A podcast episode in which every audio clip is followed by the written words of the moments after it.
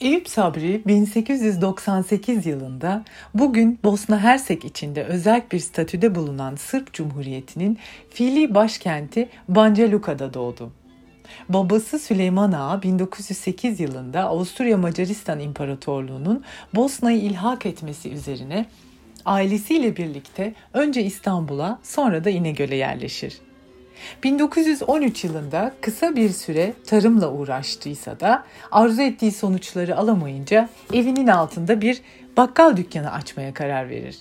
Fakat bu kez de ne yazık ki sağlığı el vermez ve Süleyman Ağa'nın vefatının ardından ailenin bütün yükü artık ergen yaşlarındaki Eyüp Sabri'nin omuzlarındadır.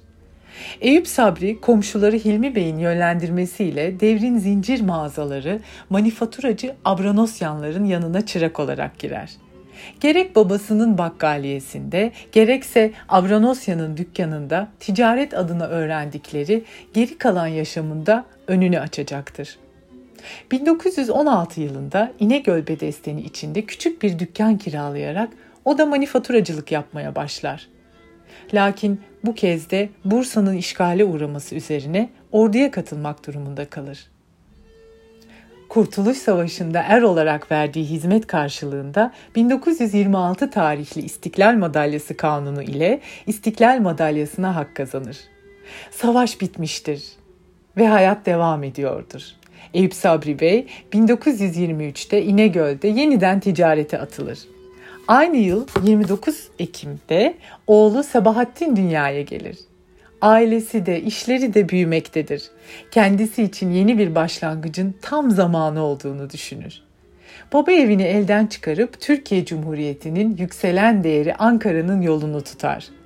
1923'te yeni yapılanan ve nüfusu artan başkentte Bon Marché olarak tanımlanan perakende satış mağazasını açar. İlk mağazasının adresi hala aynı caddede bulunan dükkandır ve Anafartalar Caddesi No 50C'dir.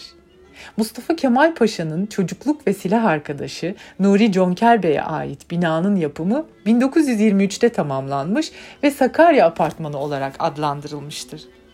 Eyüp Sabri Bey'in adıyla anılan mağazası bir ailenin ihtiyaç duyacağı zengin ürün yelpazesi sunmaktadır. Bu dönemde ana faaliyet kolu olan ısmarlama gömlekçilikle birlikte şapka, atkı, mendil, çorap, deri valiz, el çantası, şemsiye gibi birçok farklı ürünün satışlarını yürütür. Yıllar içinde ticaret yıllıklarında önce gömlekçi, 1930 yılında ise parfümeriler arasında ismi kayıtlara geçmiştir. Yeni Türkiye'nin inkılap hareketleri dahilinde Eyüp Sabri Müessesesi'nin rafları hem bayanlar hem de beyler için şapkalar ve farklı birçok konfeksiyon ürünleriyle doludur. Ancak yaptığı bir İstanbul seyahatinde bir esansçıdan öğrendiği kolonya imalatı kendisinin ve ailesinin yaşamını kökten değiştirecektir. Cumhuriyetin en temel sanayi kuruluşları olan şeker fabrikalarının yan ürünü olarak alkol üretimine başlaması bu yeni iş kolunun önünü açmıştır. Eyüp Sabri Bey o günlerde daha sonraları ismine büyük bir şöhret kazandıracak olan kolonya üretimine yönelmeye karar verir. Yurt dışından gelen esanslarla 1933 yılında kolonya imalatı ve satışına başlar. Bu tarihte Eyüp Sabri dışında kolonya üreten bir de Ulus'ta Ömer Nail vardır. Ancak Eyüp Sabri Bey'in kolonyaları kısa sürede dikkat çeker. Mağaza önünde ilk kolonya kuyrukları da işte bu yıllarda oluşmaya başlar. Çankaya Köşkü'ne de gönderilen kolonyalar Büyük Gazi'nin misafirlerine sunulur. Hatta bunlar arasında Ankara'yı ziyaret eden Şah Rıza Pehlevi de vardır. Kendisi Eyüp Sabri kolonyalarını çok beğenince Çankaya Köşkü'nden 6 şişe hediye kolonya siparişi gelir. Özenle paketlenen kolonyalar bu kez de İran Şahı'nın sarayına kadar ulaştırılır. 1930'lu yıllarda Eyüp Sabri başkentin ticaret yaşamına da renk katar. Bu yıllarda hiç alışık olunmayan tanıtım yöntemleriyle hem mağazasının şöhretini arttırır hem de sunduğu ürünlerle ilgili alışkanlık geliştirmeye başlar. Bu amaçla yaptığı en önemli girişimlerden biri hazırlanan ürün kataloğu olmuştur. Broşür şeklinde hazırlanan kataloğun kolonyanın bir ürün olarak benimsenmesi için posta kutularına, kapılara bırakılarak dağıtılmasını sağlar. Kataloğa bir de promosyon amaçlı bedelsiz kolonya kuponu eklemiştir. Mağazaya gelen müşterilere 12-13 çeşit farklı kolonyadan arzu ettiklerini bedelsiz olarak seçebilmesini sağlayan bu kuponlar pek çok aile için kolonyayı evlerinin olmazsa olmazı haline getirmiştir. Satın alma şartı olmaksızın yapılan bu promosyon ile zamanla kolonya talebi diğer ana ürünlerinde önüne geçmiştir. 1936 yılında basılan kataloğun kapağında Eyüp Sabri, Muharrem ve Mehmet Tuncer kardeşler yazmaktadır. Ve kataloğa göre firmanın ürünleri arasında şapkalar, gömlekler, kasketler, yakalar, atkılar, çoraplar, pijamalar, eldivenler, çantalar, şemsiyeler, sayısız farklı ürün ve ıtiyat malzemeleri gibi seçenekler sunulmaktadır. Katalogdaki resimleri Eyüp Sabri Bey tek tek çizmiş, her bir ürün için ayrı birer de slogan tasarlamıştır. Müşterilerimizin memnun kalacakları mallar satmak gayretindeyiz. Bunlardan sadece bir tanesidir. Naif ve saygılı ifadelere hep özen göstermiştir.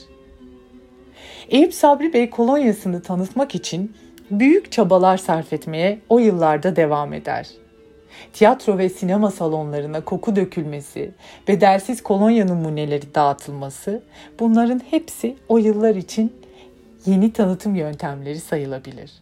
Eyüp Sabri Bey Atatürk Orman Çiftliği'ne giderek tren garındaki yüksekçe bir mevkiden toplanan kalabalığa kolonyayı anlatır ve sonra da bütün dinleyicilere ikram eder.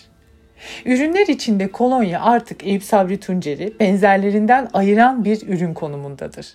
Ancak 2. Dünya Savaşı ile yaşanan döviz darlığı yurt dışından getirilen, getirtilen esanslara sınırlama getirmiştir. Kolonya'nın en temel maddelerinin özel izinlere tabi olduğu bu yıllar Eyüp Sabri Bey'in kolonya üretimini yavaşlatmış, başka çözümler düşünmesine sebep olmuştur.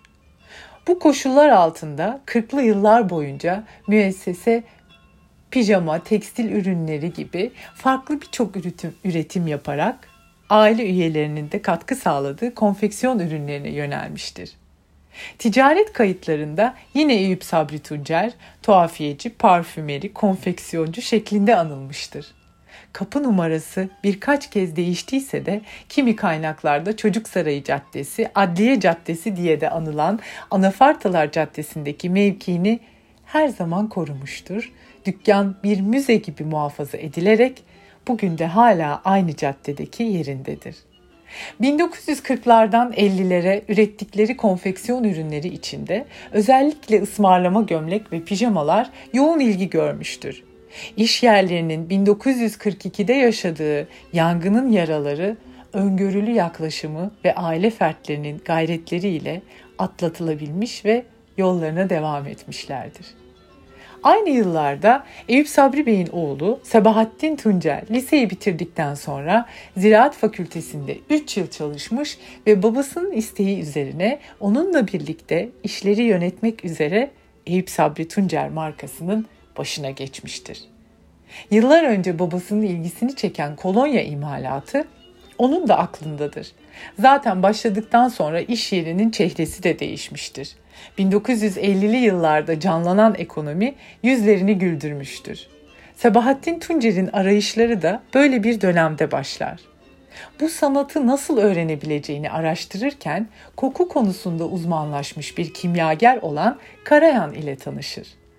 Kendisiyle biraz ticaret yaptıysa da asıl onun ufkunu açan Vahe Karayan'ın kitaplığında gördüğü bir kitap olmuştur. Felix Kola tarafından kaleme alınan Le Livre du Parfumeur. Sabahattin Tuncer kitabı temin ettiğinde hem aradığı formüllere hem de Avrupa'daki saygın esans üreticilerinin listesine ulaşmış olmuştur. Sabahattin Bey yurt dışındaki esans üreticilerine mektuplar yazarak onlardan ürünleri hakkında bilgi ister. Uzun uğraş ve bekleyişlerin ardından içlerinden yalnızca bir tanesi Jivadan firması cevap verir bu firma ile yaptığı görüşmeler, uzun yazışmalar ve babasının endişelerini giderdikten sonra küçük bir parti esans ile oldukça düşük bir maliyetle ilk limon kolonyasını ürettirir. Kendi ürününü daha ehven uygun bir fiyata üreten bir işletme haline gelmesi Eyüp Sabri Tuncer markasının değerinin artmasına vesile olmuştur. Makul fiyatlar müşteri sayısını olumlu etkileyince kolonya kuyrukları yine uzamaya başlamıştır. Şimdi sırada yurt dışından gelen esansları da yerli imkanlarla üretme meselesi vardır. Sebahattin Bey merakı, araştırmaları ve yurt dışına yaptığı bir seyahatle bu konudaki bilgi birikimini arttırmış ve 1967 yılında kendi limon kolonyası formülünü geliştirmiştir. 1970'te Ulus'ta Işıklar Caddesi'ndeki bir binayı imalat hali, imalathane haline getirdikten sonra burada esans ve kolonya üretmeye başlamıştır. 1972 yılında tüm işleri devralan Sabahattin Bey, şirketin çok ortaklı olması nedeniyle şirketi halka açık bir hale getirmek için Eyüp Sabri Tuncer'i anonim şirket haline dönüştürür. Eyüp Sabri Tuncer Ankara için bir sembol olmuştur artık. Cumhuriyet gazetesinden Savaş Sönmez'in Ankaralılığın koşullarını saydığı maddelerden biri de Eyüp Sabri Tuncer'den kolonya doldurmak olmuştur. Yol tariflerinin Eyüp Sabri Tuncer mağazasına göre yapıldığı Ankara'yı anlatanlar da Ankara'nın kolonyacısı diyerek anmadan geçmez olmuşlardır. 1980'lerde Eyüp Sabri Tuncer kolonyaları Türkiye'nin her yerinde satılan kolonya deyince ilk akla gelen markalardan biri olur. 1920'lerdeki küçük dükkandan bu yıllara sadece bir aile mirası değil, aynı zamanda bir ticaret ahlakı da yaşatılmıştır. Her şeyin kayıtlı olması, verginin tam ödenmesi, müşteri hakkının daima gözetilmesi, her durumda müşteri memnuniyetinin sağlanması ve dükkanın gizli ortağının Türkiye Cumhuriyeti olduğunun hiçbir zaman unutulmaması en önemli değerleri arasında olmuştur. Bu prensipler devlet nezdinde de büyük bir anlam taşımış olmalı ki 1985 yılında KDV uygulaması ilk yapıldığında seçilen pilot kuruluşlardan bir tanesi de Eyüp Sabri Tuncer olmuştur. 1994 yılına gelindiğinde bu defa Engin Tuncer işleri babası Sebahattin Tuncer'den devralır. Aile bireylerinin elinde bulunan şirket hisselerini de toplayarak babasının hayalleriyle birlikte geleceğe doğru önemli adımlar atar. Bunlardan biri ulusal markasının klasik ürünlerini koruyarak yeni bir yüzle dünya pazarına açılmaktır. Özellikle tasarım, ürün geliştirme ve araştırma projelerini önemseyen Engin Tuncer, markayı köklerine bağlı kalarak geliştirmeye devam eder. Farklı kategorilerde yeni ürünler ve yeni tasarımlarla doğal ve organik içeriğe sahip genç hedef kitlesine hitap edecek özel ürünler geliştirir. Bu sayede markası sadece geleneksel kolonya çeşitleri ile sınırla kalmadan kişisel bakım ürünleri ve ev bakım ürünlerinin bir arada olduğu geniş bir yelpazede marka ilgilileriyle buluşur. Yurt içi ve yurt dışı pazarlarda giderek artan müşteri talepleri doğrultusunda ihtiyaçları öngörerek fabrikasına önemli yatırımlar yapar ve üretim kapasitesini büyütür. Gelişen teknolojiyi yakından takip eden Engin Tuncer, Eyüp Sabri Tuncer'in Türkiye'de e-ticaret mağazasını açan ilk markalardan biri olmasını sağlamıştır. Müşterisini ve taleplerini daima önceliklendiren Eyüp Sabri Tuncer, bütün iş süreçlerini başta çalışanları olmak üzere iş ortakları ve müşterileriyle birlikte yönetilmeyi vazgeçilmez bir ilke haline getirmiştir. Eyüp Sabri Tuncer bugün WIPO kapsamında 70 ülkede marka tescili ve ürünü olan katılım sağladığı dünyaca ünlü kozmetik fuarlarında çatısı altındaki tüm markalarını ve ürünlerini tanıtmaya, Cumhuriyet ile birlikte taşımaya başladığı bu değerli bayrağı geleceğe taşımaya devam ediyor.